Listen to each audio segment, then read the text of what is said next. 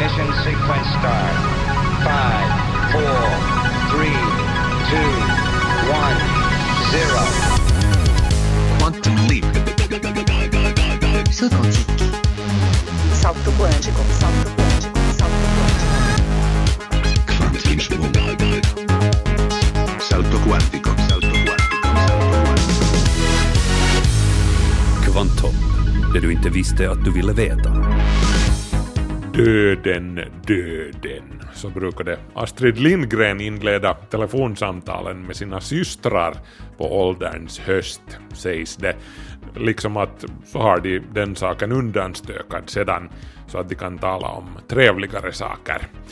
Jag tänkte att jag skulle inleda det här programmet med att säga Nobel, Nobel. Ja, no, inte för att Nobelprisen är stora och skrämmande som döden, men Tja, nå, stora är de i alla fall och den här veckan är de på allas läppar. Grattis till alla vinnare, säger jag, som ju förresten heter Markus Rosenlund. Vi ska ägna lite tid åt fysikpriset, min favorit av alla de olika Nobelkategorierna, i notiserna om en liten stund. Men vad ska sändningen annars handla om idag då? Ja, vi börjar från slutänden. I andra halvan av dagens program snackar jag med Harvard-professorn Robert Putnam och vi ska fundera på det här med hur samhället blev så knasigt som det blev med enorm ekonomisk ojämlikhet, stark polarisering och en synnerligen rå samhällsdebatt om invandringen och allt det där. Eh, situationen just nu påminner väldigt mycket om den som rådde i USA i slutet av 1800-talet, säger Putnam. Samma brutala indelning i de som har mer och mer och de som har mindre och mindre. Then it was Rockefeller and Carnegie and other rich Americans. Now it's Gates and, and, and hedge fund managers and so on. But that was the first similarity. Då var det Rockefeller och kompisarna som ägde USA.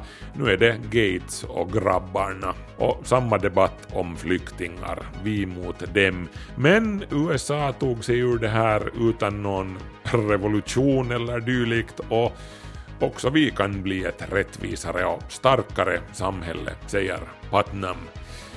Idag besöker vi också Yles eget arkiv här i Böle som i sig är ganska speciellt.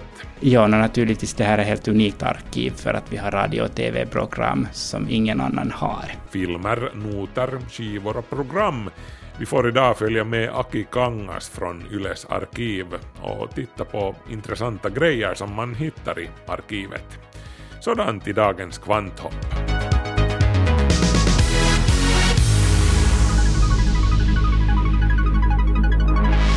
Vi har så mycket bra stuff åt er idag att vi inleder raskt med veckans notiser.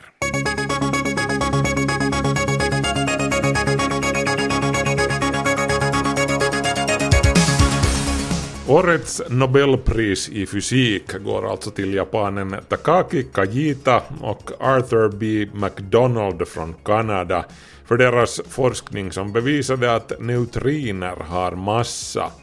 Neutriner är alltså universums allra minsta partiklar som skapas bland annat i samband med fusionsreaktionerna i solens kärna och man trodde länge att de inte hade någon massa alls, men 1998 lyckades forskarna bevisa att neutriner kan byta skepnad i flykten liksom. De byter smak, som fysikerna säger. Och det här innebär att de måste ha massa. Ingen vet exakt hur stor den massan är, bara att den finns där och att den är oerhört liten, omkring en miljon gånger mindre än en elektrons massa. Neutriner saknar elektrisk laddning, så de kan flyga obehindrat genom hela jorden. Faktum är att flera miljarder neutriner passerar rakt genom dig där du sitter just nu. Det här betyder dessvärre också att de är otroligt svåra att fånga och studera trots att de är universums näst vanligaste partiklar efter fotoner, alltså ljuspartiklar. Detektorerna som används för att upptäcka neutriner är i princip stora vattentankar som finns djupt nere under jorden, ofta i någon gammal gruva. Det här för att de ska vara avskärmade från störande kosmisk strålning och annan bakgrundsstrålning. Den detektor som den nu aktuella upptäckten gjordes med Super Kamiokande i Japan sitter en kilometer under markytan. Kajitas och McDonalds upptäckt är en av de riktigt stora aha-upplevelserna inom den moderna fysiken. Det här är grundforskning av riktigt grundläggande sort och som Nobelkommittén noterar i sin prismotivering så har den på ett fundamentalt sätt ändrat på vår syn på vad materia är och den kan bli avgörande för vår syn på universum och dess framtid. Vi vet ju att universum just nu flyger isär med en grym hastighet som dessutom accelererar hela tiden. Kommer den expansionen att bromsa in och vända en vacker dag? Neutrinerna, som vissa menar utgör en del av den så kallade mörka materian, som utgör en fjärdedel av hela universums massa, kan komma att spela en roll där. Fast det här är ju ingenting som vi behöver hålla andan för medan vi väntar. Det är ett bra tag till dess, om vi säger så. Så en flygnyhet. Är du en inbiten flight spotter eller flygplansentusiast som det heter på svenska, då kanske du befann dig ute vid Helsingfors Vanda flygplats nu på onsdag. Då landade nämligen ett Airbus-plan av den nya typen A350 XWB på Helsingfors Vanda under högtidliga omständigheter inklusive traditionell vattensalut eh, sådana här bågar av vatten som man sprutar upp och som flygplanet får rulla under. Helsingfors Vanda blir alltså den första flygplatsen i Europa att fungera som hemmahamn för den här nya plantypen och ett antal portar på flygplatsen har modifierats för att det nya stora planet ska kunna lägga till vid gaten. Finnair har beställt in alldeles 19 stycken A350 i första hand för den lukrativa Asientrafiken. Bokstavskombinationen XWB i plantypens namn står för övrigt för Extra Wide Body, extra bred flygplanskropp. Den är tänkt att konkurrera med Boeings 787 Dreamliner och den är speciell bland annat i och med att skrovet och vingarna är gjorda av kolfiber vilket bidrar till att göra planet lätt men starkt och framförallt bränslesnålare än tidigare flygplansgenerationer. A350 XVB tar omkring 300 passagerare. Har du planer för veckoslutet? Avboka dem i så fall och surfa iväg till bilddelningssajten Flickr. För NASA har nu nämligen laddat upp samtliga bilder som Apollo-astronauterna tog med sina Hasselblad-kameror under månfärderna 8400 bilder är det inalles som NASA har publicerat på Flickr. De är skannade från originalbilderna i NASAs arkiv och publiceras nu för första gången i så hög resolution, 17 megapixel per bild närmare bestämt. Grejen med att bilderna nu finns på Flickr innebär framförallt för dig och mig att de är mycket lättare att bläddra i än tidigare jämfört med då de bara låg på NASAs egen sida. Intressant är också att bilderna är obehandlade. Det är alltså fritt fram för var och en att framkalla dem inom citat efter behag i program som Lightroom eller Photoshop om man inte är nöjd med kontrasten eller exponeringen eller någonting liknande. NASA lovar att publicera sina egna finjusterade versioner i ett senare skede.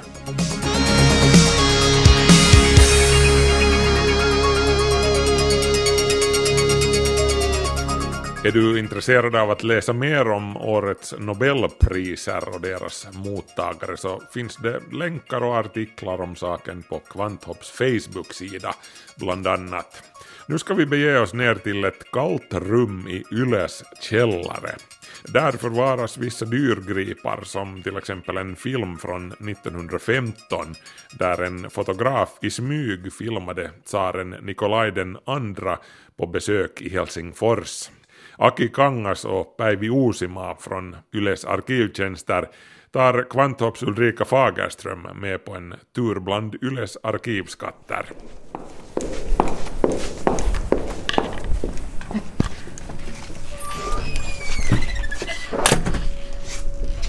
Här är det svart. Åh, kallt. Ja. Jag är alltså i filmarkivet. Okej, här har jag aldrig varit. Inte jag heller måste jag säga. Nej, man har ingen orsak att i vanliga fall springa ner i förrådet för gamla filmer här på YLE. Det mesta finns numera digitalt att tillgå direkt via datorn och det som inte finns kan beställas till digitalisering. Så väldigt få har ärende hit ner i kylan. Informatör Päivi Uusima, hon är däremot van att hantera de gamla filmerna som här förvaras i en temperatur av 12 till 15 grader. Ja, det är alltså viktigt att temperaturen hela tiden är jämn, men dessutom sval. Det tycker de gamla filmmaterialen om. Päivi går in mellan rullskåpen, sådana som kan flyttas med en enkel väv på utsidan, och sträcker sig efter en av de verkliga rariteterna här. Tässä on sitten ehkä meidän semmoinen kiinnostavin ja arvokkain. Tässä on Venäjän tsaari Nikolai toisen vierailu Suomessa vuonna 1915. Ja tämä on siitä kuuluisa, että kuvaaja piilotteli neljä vuorokautta pitäen tätä filmiä, kun saarin henkilökunta kielsi ottamasta kuvaa siitä saarin vierailusta. Mutta suomalainen kuvaaja olikin ovelampi ja meni piiloon ja nyt meillä, tämä on siis Yleisradion kokoelmissa nyt tämä arvokas filmi. Den här filmen togs för precis hundra år sedan då tsaren Nikolaj II var på besök i Helsingfors. Hans hov hade uttryckligen förbjudit folk att ta bilder av honom, men den här finländska fotografen gjorde det ändå och gömde sig sen i fyra dygn. Och än idag finns filmen nere i Yles källare. Sista sound. Numerolla ARK 41 meidän vanhinta materiaalia, eli liikennettä Esplanadilla vuonna 1906. Och här har vi en annan metalllåda med tillhörande filmrulle inuti. Den här lilla filmen är ännu äldre än Tsar-filmen. Den är från 1906 och i och med det den äldsta filmen som finns bevarad i Yles samlingar. På filmen ser man människor spatsera i Helsingfors centrum, närmare bestämt i Esplanadparken vid Runebergs staty och längs med de respektive esplanaderna. Runeberg, han tittar ner på människorna precis som han fortfarande gör idag. Och de traskar omkring där med barnvagnar och gammaldags kläder. Ganska spännande. Alla de här filmerna hittar du själv på svenska.yle.fi. Alltså här har jag några noter från ur vårt musikbibliotek. Ja, här har vi några arkivpärlor ur musikark, äh, musikbiblioteket, det vill säga noter. Och här har jag till exempel Lasse Mårtenssons Ge mig en grabb. Ge mig en grabb som följer mig hem Som är Som gör mig hans egna manuskripter. Jaha. Mm. Så det är liksom handskrivna noter? Jo, här finns det hands, handskrivna, handskrivna noter av hans, hans låt. Ge mig en grabb deltog i den finländska uttagningen till Eurovisionen år 1965, då sjungen av artisten Carola.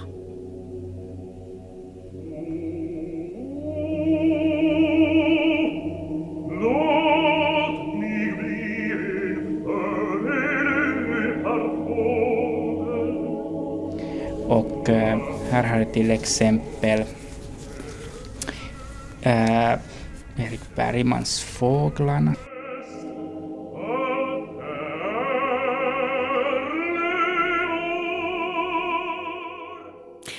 En del av de här handskrivna noterna finns på små notblad, andra på enorma. En del har röda krux i kanterna och ändringar, kanske gjorda av någon kapellmästare, funderar Aki Kangas. Vi går vidare. I Yles arkiv finns noter, skivor, böcker och en massa, massa radio och TV-program. Vi ska strax gå in på detaljerna kring dem tillsammans med Aki Kangas. Men först ska vi titta på skivarkivet.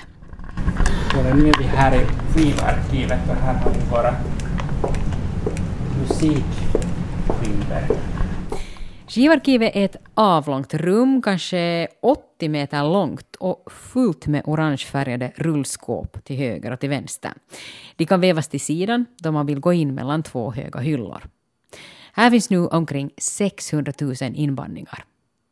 Man kan få mycket tid att gå här, men vi ska bara titta på en enda sak. Allra första CD-skivan som vi köpt. Det är skiva nummer ett här i arkivet. CD, CD nummer ett. Jaha. Och det är Sibelius symfoni, den fjärde symfonin. Väldigt intressant att de valt just det här som nummer ett.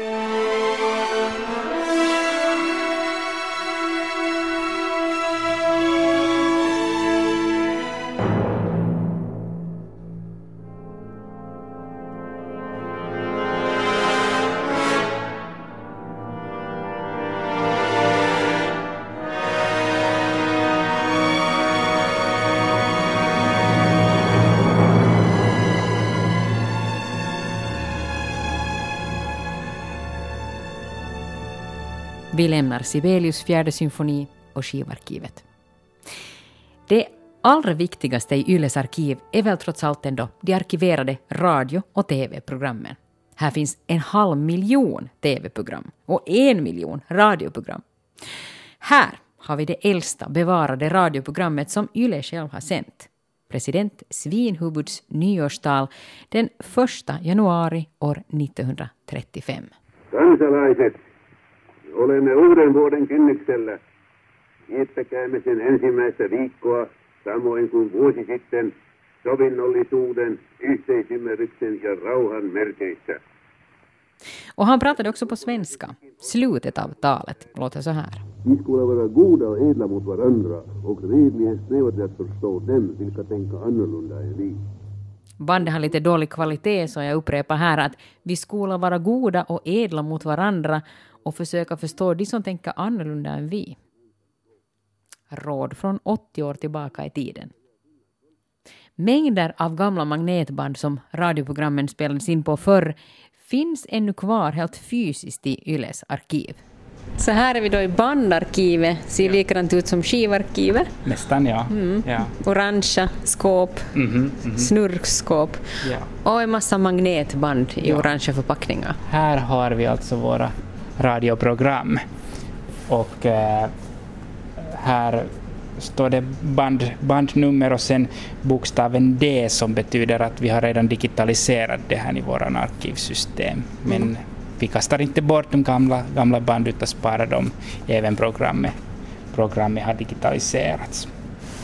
Och sen här, här i fodralen har jag en innehållsbeskrivning. Att det är det själva bandet och sen, sen en eh, information om det där programmet. Vad, vad heter programmet, vem som varit redaktör och producent och när programmet sänds. Det här bandet som jag har här har sänds i maj 1969.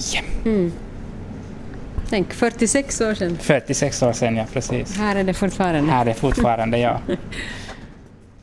Sen sex år tillbaka arkiveras nya program endast digitalt. De arkiverade programmen används av Yles redaktörer för programproduktion, men också av utomstående produktionsbolag och av forskare. Lagen om deponering och förvaring av kulturmaterial förbinder Yle att arkivera en viss del av sin produktion. I praktiken handlar det om så gott som alla TV-program och cirka 10 procent av radioprogrammen. De arkiverade programmen och mindre klippen har efterhand gjorts tillgängliga också för den stora publiken, behändigt via nätet. Till exempel lade Yle för några år sedan ut sina ljudeffekter för hela världen att använda. Det har blivit populärt också, också inte bara här i Finland utan, utan utland, utlandet också. Via tjänsten Eleva Arkisto, arkivet, finns idag mängder av sända radio och TV-program i sin helhet eller klipp tillgängliga för publiken via nätet. Och fler ska de bli. Det är kanske den nya, nya, nyaste milstolpen som, som vi har. att vi äh, försöker få, få mer arkivmaterial ut, ut Mm. och publicera det på webben. Alltså tanken är nu det att vi har haft äh, Elävä arkisto, det arkivet har varit väldigt populärt och det har äh, Yle öppnat sedan 2006 på webben så att det blir tio år sedan.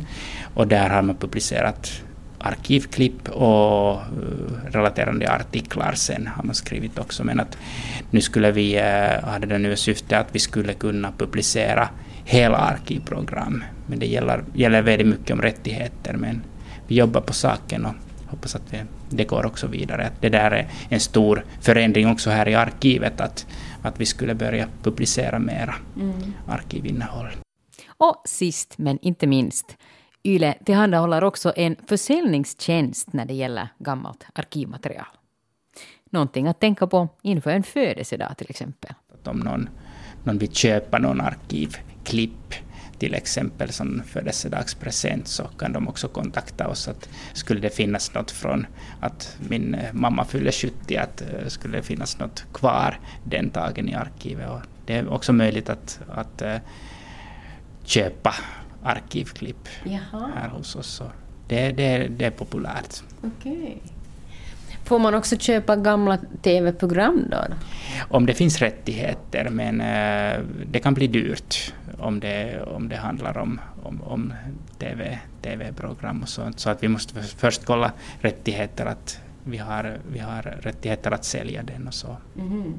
Men om någon till exempel har varit med i ett, ett radioprogram för länge sedan och det finns kvar och sådär, så då kan man köpa det. Då kan man kontakta vår arkivförsäljning och fråga om det, om det finns kvar i arkivet, om, om det är möjligt att få en kopia av det. Se där var ju ett bra presenttips till någon jämn årsdag till exempel.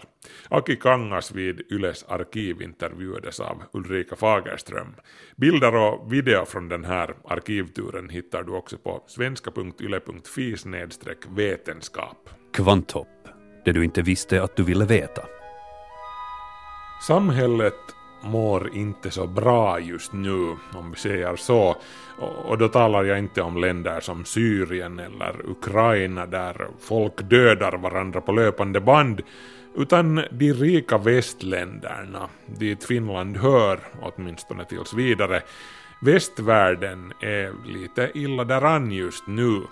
Och var man än befinner sig i väst, om det sedan är i Finland, Tyskland eller USA, så är symptomen mer eller mindre desamma. Vi har ekonomiska klyftor som bara blir bredare och djupare, vi har sociala orättvisor, vi har en allt mer polariserad och rå samhällsdebatt, något som syns speciellt i vårt sätt att behandla och tala om flyktingkrisen. Vi har nationalister och extremrörelser som vinner val till höger och vänster. Och regeringarna, de svarar på det hela med ännu hårdare åtstramningspolitik. Hur ska det här sluta? Vi ska komma till det alldeles strax. Det behöver faktiskt inte sluta illa alls, som vi ska få se. Eh, vi har varit i liknande situationer förr och kommit ur det hela starkare och som vinnare. Jag träffade amerikanen Robert Putnam som är professor i statsvetenskap vid Harvard University i USA. Eh, Putnam, som har beskrivits som en av de mest inflytelserika akademikerna i världen just nu, är mest känd för sin teori om socialt kapital. Och vad är det nu då? Nå jo, alltså socialt kapital är summan av allt vanligt folks engagemang i samhället. Både politiskt och socialt engagemang. Hur aktiva vi är i föreningsliv, välgörenhet, talkoarbete, hur mycket vi läser tidningar och hur noga vi håller oss ajour med vad som händer i hemkommunen till exempel. Hur mycket vi litar på varandra och på våra folkvalda. Allt det här påverkar demokratin och leder till att vi här i Norden till exempel har ett rikt socialt kapital medan till exempel Ryssland inte har det. Som privatperson kan jag ha gott om socialt kapital, trots att jag inte är förmögen när det kommer till pengar. Men i praktiken så är samhällen med rikligt socialt kapital också mera välmående finansiellt, säger professor Robert Putnam. If you look around the world, there are two other characteristics that are strongly correlated with high social capital economic equality. More equality means more social capital. And ethnic homogeneity. More homogeneity means more social capital. Ekonomisk jämlikhet och små inkomstklyftor betyder mer socialt kapital i samhället och vice versa. En annan sak som tycks gå hand i hand med socialt kapital är etnisk homogenitet. Det vill säga då invandringen ökar till exempel så blir samhället mer splittrat och det uppstår sociala klyftor och problem, alltså minskar det sociala kapitalet. Men det är kanske att dra en förhastad slutsats att säga att det här är ett ställningstagande mot invandring. I det långa loppet kan vi alla vinna på invandringen, som vi ska höra senare. Men det här hindrar ju förstås inte populisterna från att utnyttja folks rädslor för det främmande. Sannfinländare, Sverigedemokrater, Donald Trump i USA samma skrot i olika förpackningar, säger Putnam, och finner det lite lustigt att invandrarfientligheten är så stark i ett land som USA, där så gott som alla är invandrare. That's even though America is an immigrant nation. Even despite the fact that all Americans are immigrants, there still is the, the rapid growth of, of immigration pressures in America has caused this increase in racist sentiments. Um, and you could say that um, just as there are true Finns in uh, Finland, uh, Donald Trump represents or represented to some extent true Americans. By that I mean not that he's really a true American, but that that's the sentiment that he's expressing. We Americans and we don't like these foreigners. Um, and that's you can see that kind of polarization. You can see it in Germany and France and in and in Britain and in Denmark and in Sweden, all over. Den republikanska presidentkandidaten Donald Trumps rasistiska jargong gör honom till en motsvarighet till våra sannfinländare, en sann amerikan, menar Putnam och tillägger att Trump naturligtvis inte är mer sann än någon annan amerikan, men det är den här vi mot dem-uppdelningen som han rider på. Och samma polarisering av samhället är som vi vet på gång så gott som överallt i västvärlden. Det här är ju onekligen en oroväckande utveckling. Jag frågar Robert Putnam om man kan dra några paralleller mellan västvärldens situation idag och någon annan period i historien och om vi i så fall kunde tänkas lära oss någonting av hur man hanterade liknande utmaningar förr. Jo då, säger Putnam, vi behöver bara gå drygt hundra år tillbaka i tiden för att känna igen oss. There are many deep parallels between the situation of America today and the situation in America at the end of the 19th century, around, roughly speaking, 1890. Uh, to begin with, that was the last period in which there was a great gap between rich people and poor people. If you look at some of the charts, for example, in the book by the, Ital- uh, by the French uh, economist Piketty, it shows very high inequality in America now and very high inequality in America around 1890 1900. Tiden kring sekelskiftet 1800 till 1900 var en tid med väldiga inkomstklyftor i USA, säger Putnam. De enorma sociala orättvisorna under den här tiden och parallellerna till vår egen tid är något som också den franska nationalekonomen Thomas Piketty också tog upp i sin bok Kapitalet i det 21 århundradet.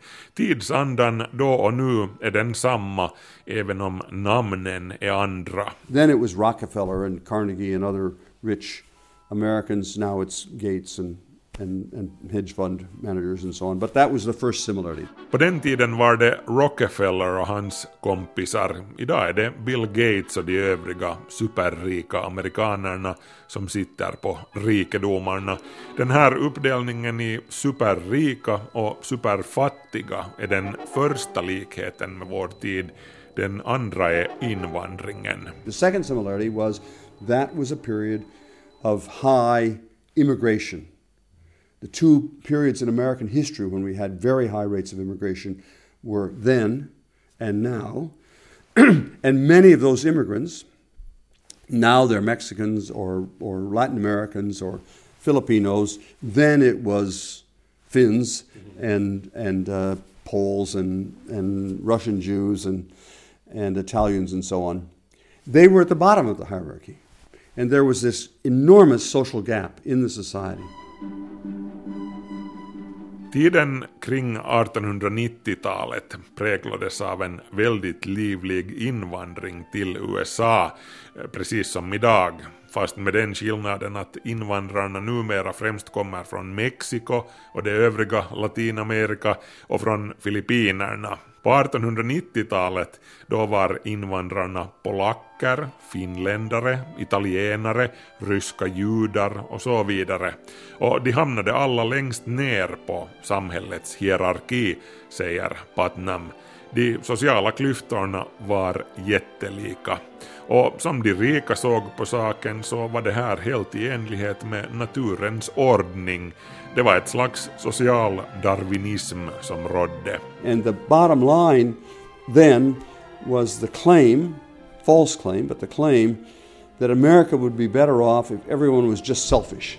If everyone only was selfish and looked after themselves and the devil take the hindmost. Um, and there are certain parallels between that period and the libertarian philosophy that's popular in American now. Det rådde en uppfattning, säger Putnam, en felaktig uppfattning, men i alla fall, om att USA mår bäst om alla bara är själviska och ser till sina egna intressen och låter de svaga i samhället klara sig så gott de kan, säger Putnam. Eh, samma anda råder bland anhängarna till den så kallade libertarianismen som är väldigt populär i USA just nu. Också här i Finland så är den här filosofin inte helt utan vänner, om vi säger så. Men summa summarum alltså, det såg riktigt dystert ut då, cirka 1900, i flera avseenden precis som just nu. Det var och är en tid med enorma problem som gör att man lätt drabbas av en känsla av hopplöshet om man längtar efter reformer. And if you'd been around then, in 1890 or 1900 in American, and you were a reformer, you could easily begin, you could easily have become depressed because you could see these huge problems and no possibility of fixing the problems.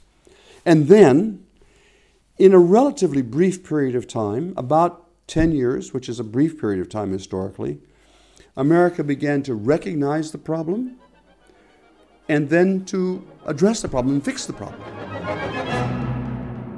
Precis som det såg som dystrast ut under en relativt kort tid faktiskt, bara tio år, så började USA inse att nähä, nu håller det här inte längre.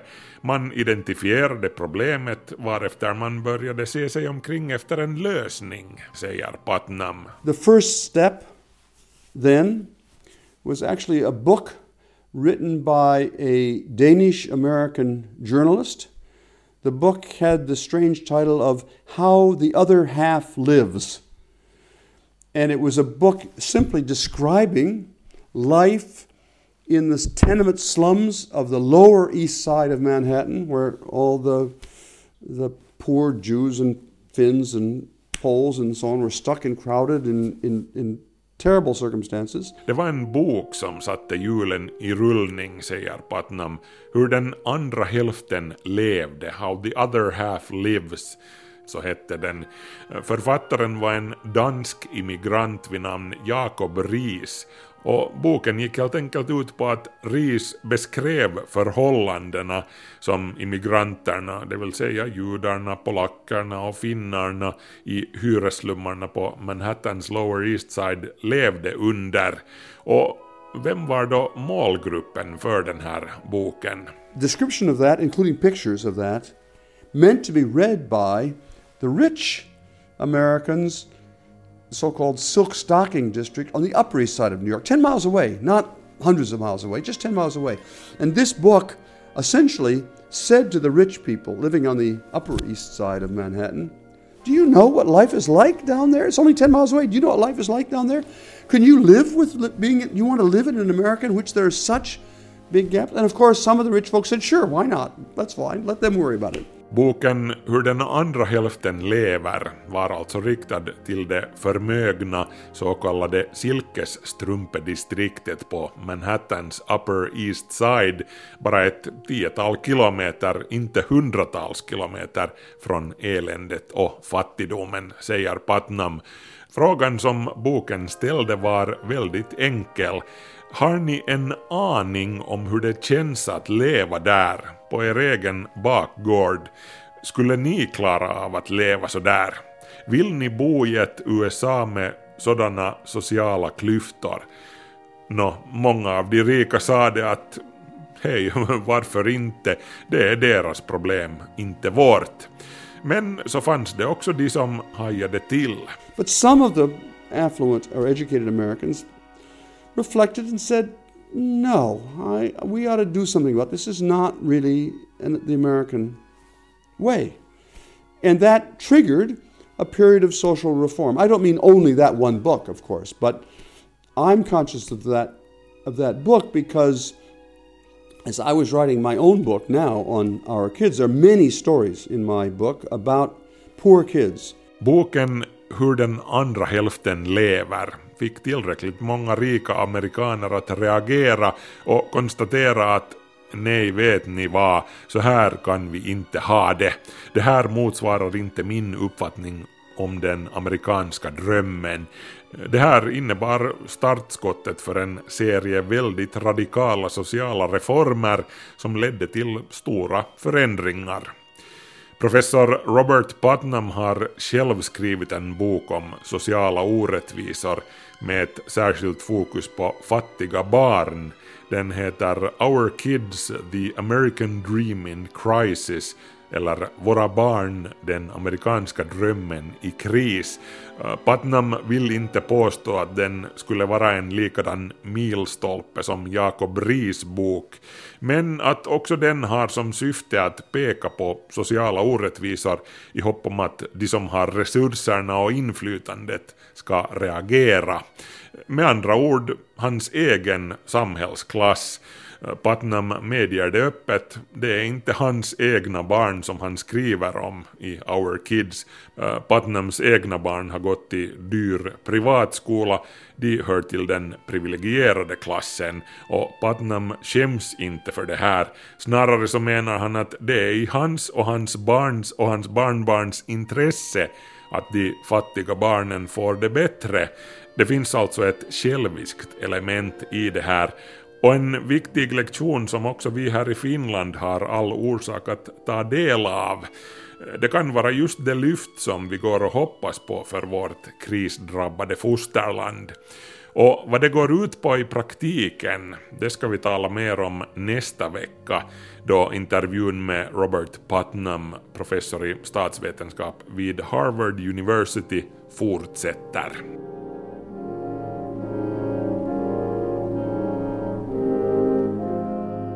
Och nu är det dags för grundämnesserien här i Kvanthopp. Idag ska speciellt alla kvinnosakskämpar och andra vänner av jämställdhet lystra till. Universums innehållsförteckning, varsågoda. Kvanthopp presenterar en serie i 117 delar. Det som allt bygger på, eller våra grundämnen från BT till Unuoctium.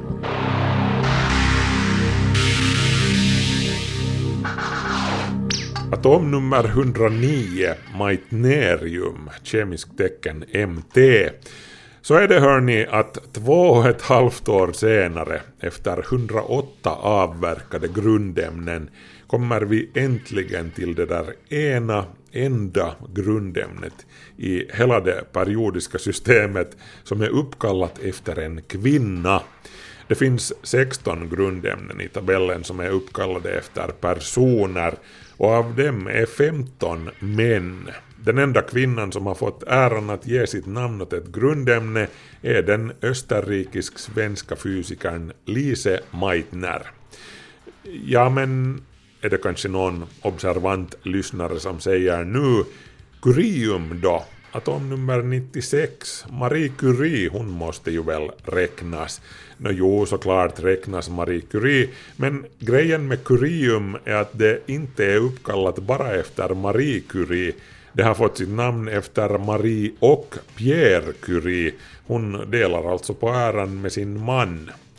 Lise Meitner däremot rår om grundämne 109 helt ensam.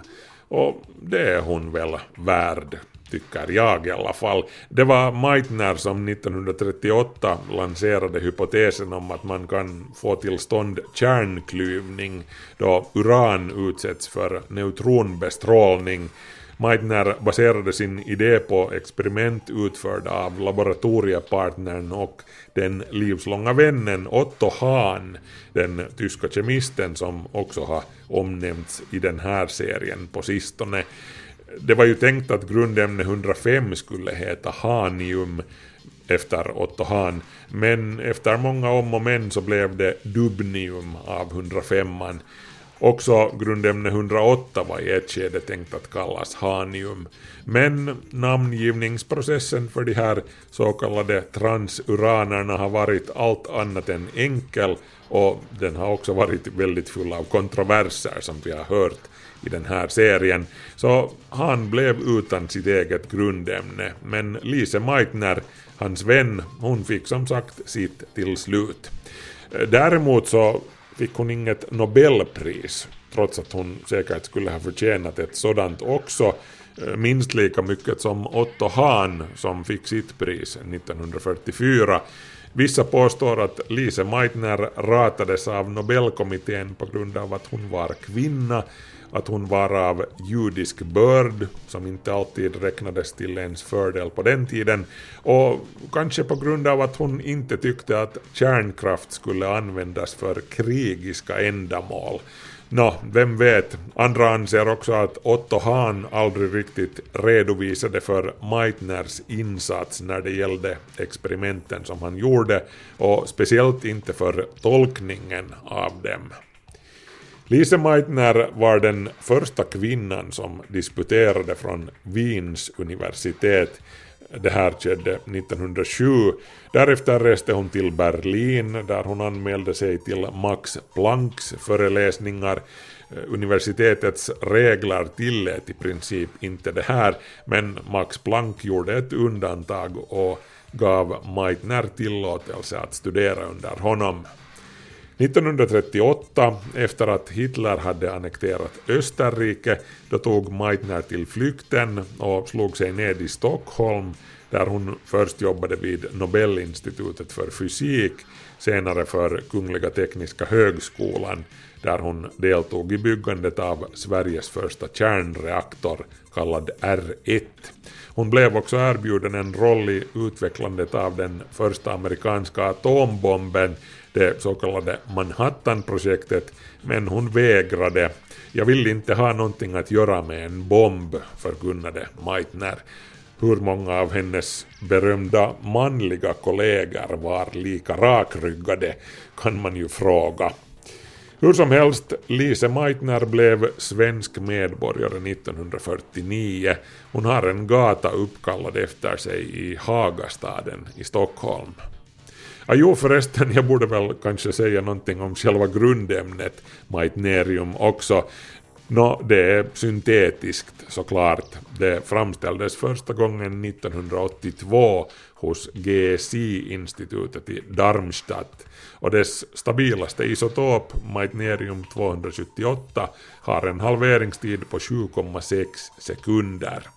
Kemiskt påminner det sannolikt om de övriga grundämnena i grupp 9 i tabellen, kobolt, rodium och iridium.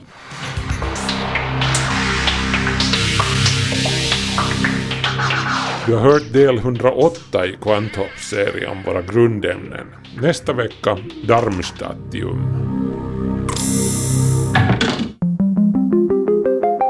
Kvanthopp, det du inte visste att du ville veta. Och det var det för den här veckan. Markus Rosenlund så heter jag och vi hörs igen om en vecka. Ha det så bra till dess. Hej så länge.